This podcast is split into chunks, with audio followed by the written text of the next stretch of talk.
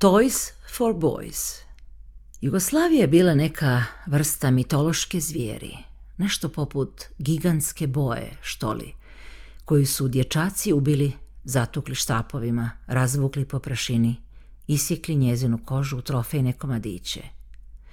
Trofejima se kite i hvale se.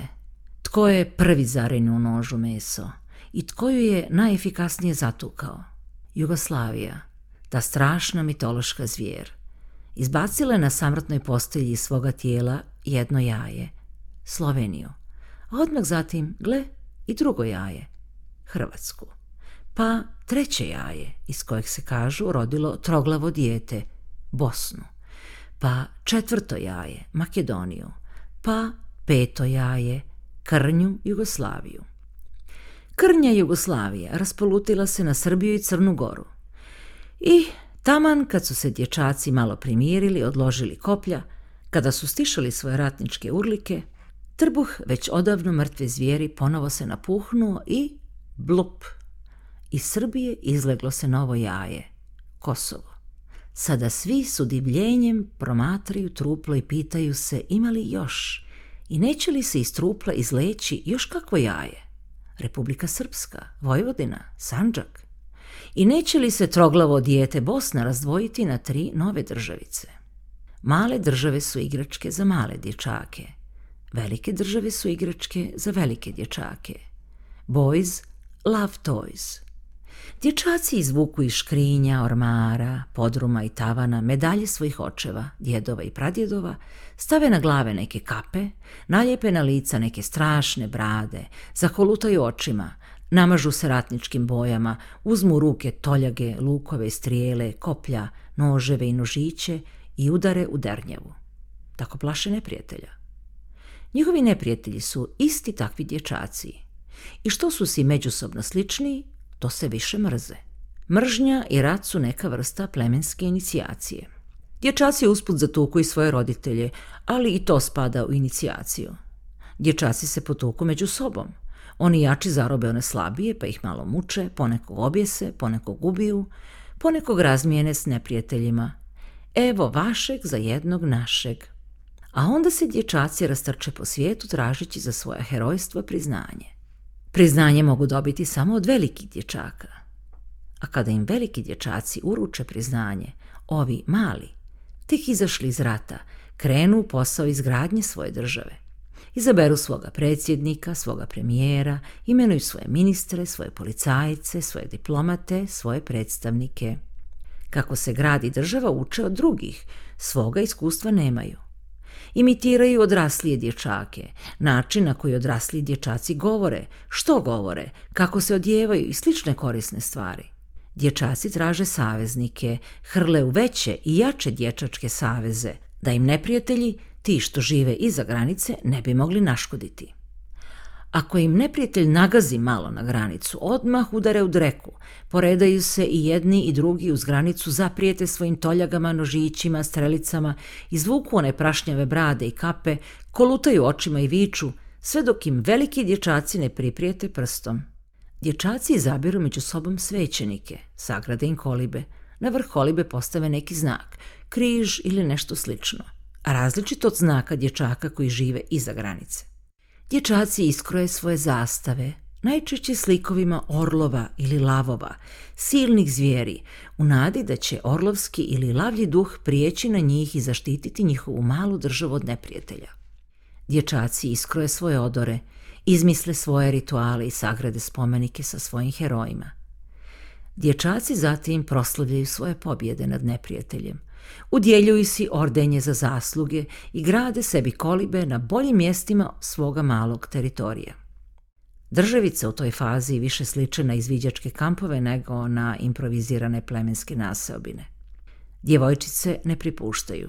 Države su igračke za dječake. Dječaci onako ne znaju što bi s djevojčicama, malo ih se pribojavaju, pa ih zato proglašavaju glupima i ružnima.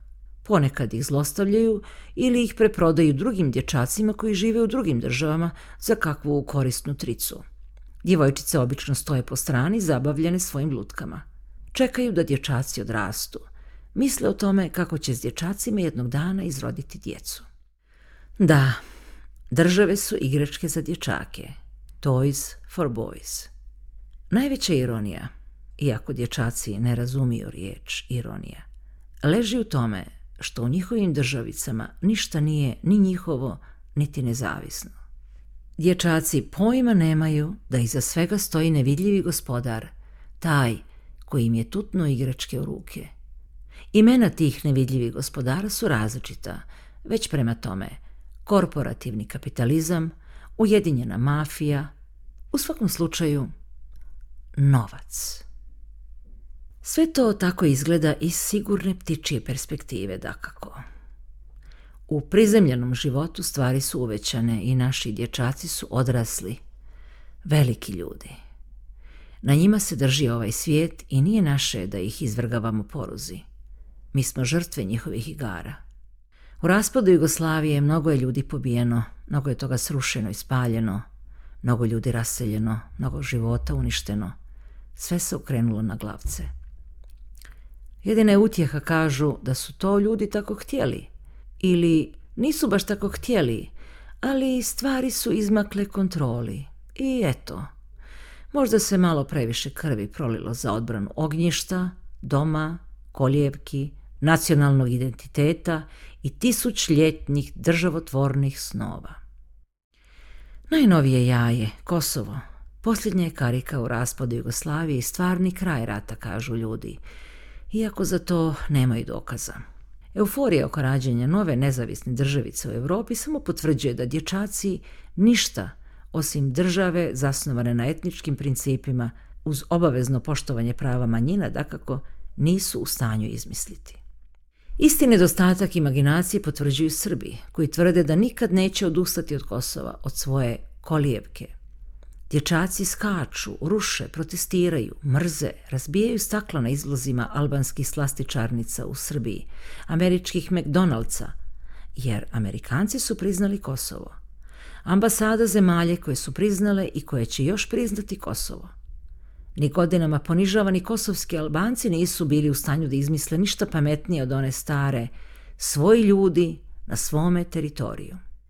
Rađanje države bilo je propraćeno romantičnim viorenjem novodizajniranih kosovskih zastava, albanskih zastava, američkih zastava, jer Amerikanci su priznali Kosovo, i puštanjem žutih balona u zrak. Žuti baloni, žute zvijezde – poljubac upućen Evropskoj zajednici.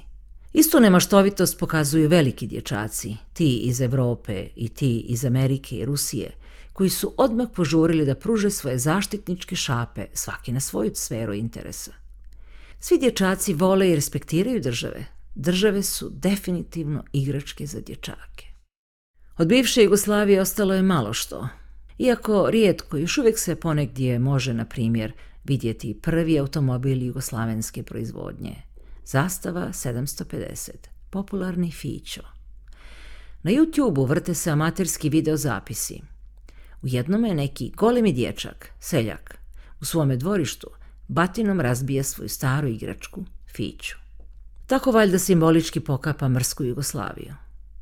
Nedavno je grupa lokalnih entuzijasta u nekom hrvatskom mjestu oživjela starog Fiću – Ofarbala ga u plavo, bijelu boju i na vratima ispisala milicija. Automobil je zaplijenila hrvatska policija s obrazloženjem da uskrsavanje starog milicijskog fiće vrijeđa uspomenu na bivšu Jugoslaviju. Iako je proteklo gotovo dva desetljeća od smrti Jugoslavije, dječaci se još uvijek boje duhova bivše državice. Čak i kada se oni pojavljuju u simboličnoj igrački kakva je stari Fićo. Ostaje pitanje – Zašto? Je li to zato što je bivša zajednička država bila građena na solidnijim, pravednijim i modernim temeljima današnjih? Ili je to zato što je bivša državica bila zona sumraka iz koje su svi jedva čekali da izađu na slobodu i oslobode se mučkog suživota s drugima? Je li gospodarenje bilo bolje ili lošije od današnjega? Je li bivša država bila strahovlada u kojoj su građani izdisali po teškom čizmom komunizma? Da li se ljudi danas boje više ili manje? I čega se boje? Pitanja ima mnogo. Nema ničeg lošeg u tome da se postavljaju pitanja. Slično će nam ostalom uskoro početi postavljati naši unuci. Zanimljivo je jedino da ih nitko ne postavlja. Umjesto da postavljaju pitanja, dječaci mašu svojim zastavama i spaljuju tuđe. Razbijaju stakla na prozorima, urlaju, zveckaju noževima, jadikuju, tužakaju se, zovu u pomoć, prijete, sugerirajući svojim ponašanjem da su države zapravo rezultat slučaja ili pukog biološkog ciklusa, dok jedne eto umiru, druge se eto rađaju. Zanimljivo je i to da samo dvije stvari u današnjem svijetu izazivaju histerične reakcije kod ljudi. Jedna je Bog, druga država. Snažne i nekontrolisane erupcije emocija kada su u pitanju Bog i država samo indiciraju da su obje institucije zapravo ispražnjene od svoga značenja. Za smrt Boga prišapnuo nam je nešto prije stotinja godina Friedrich Nietzsche. Za državu nismo znali. Veljača 2008.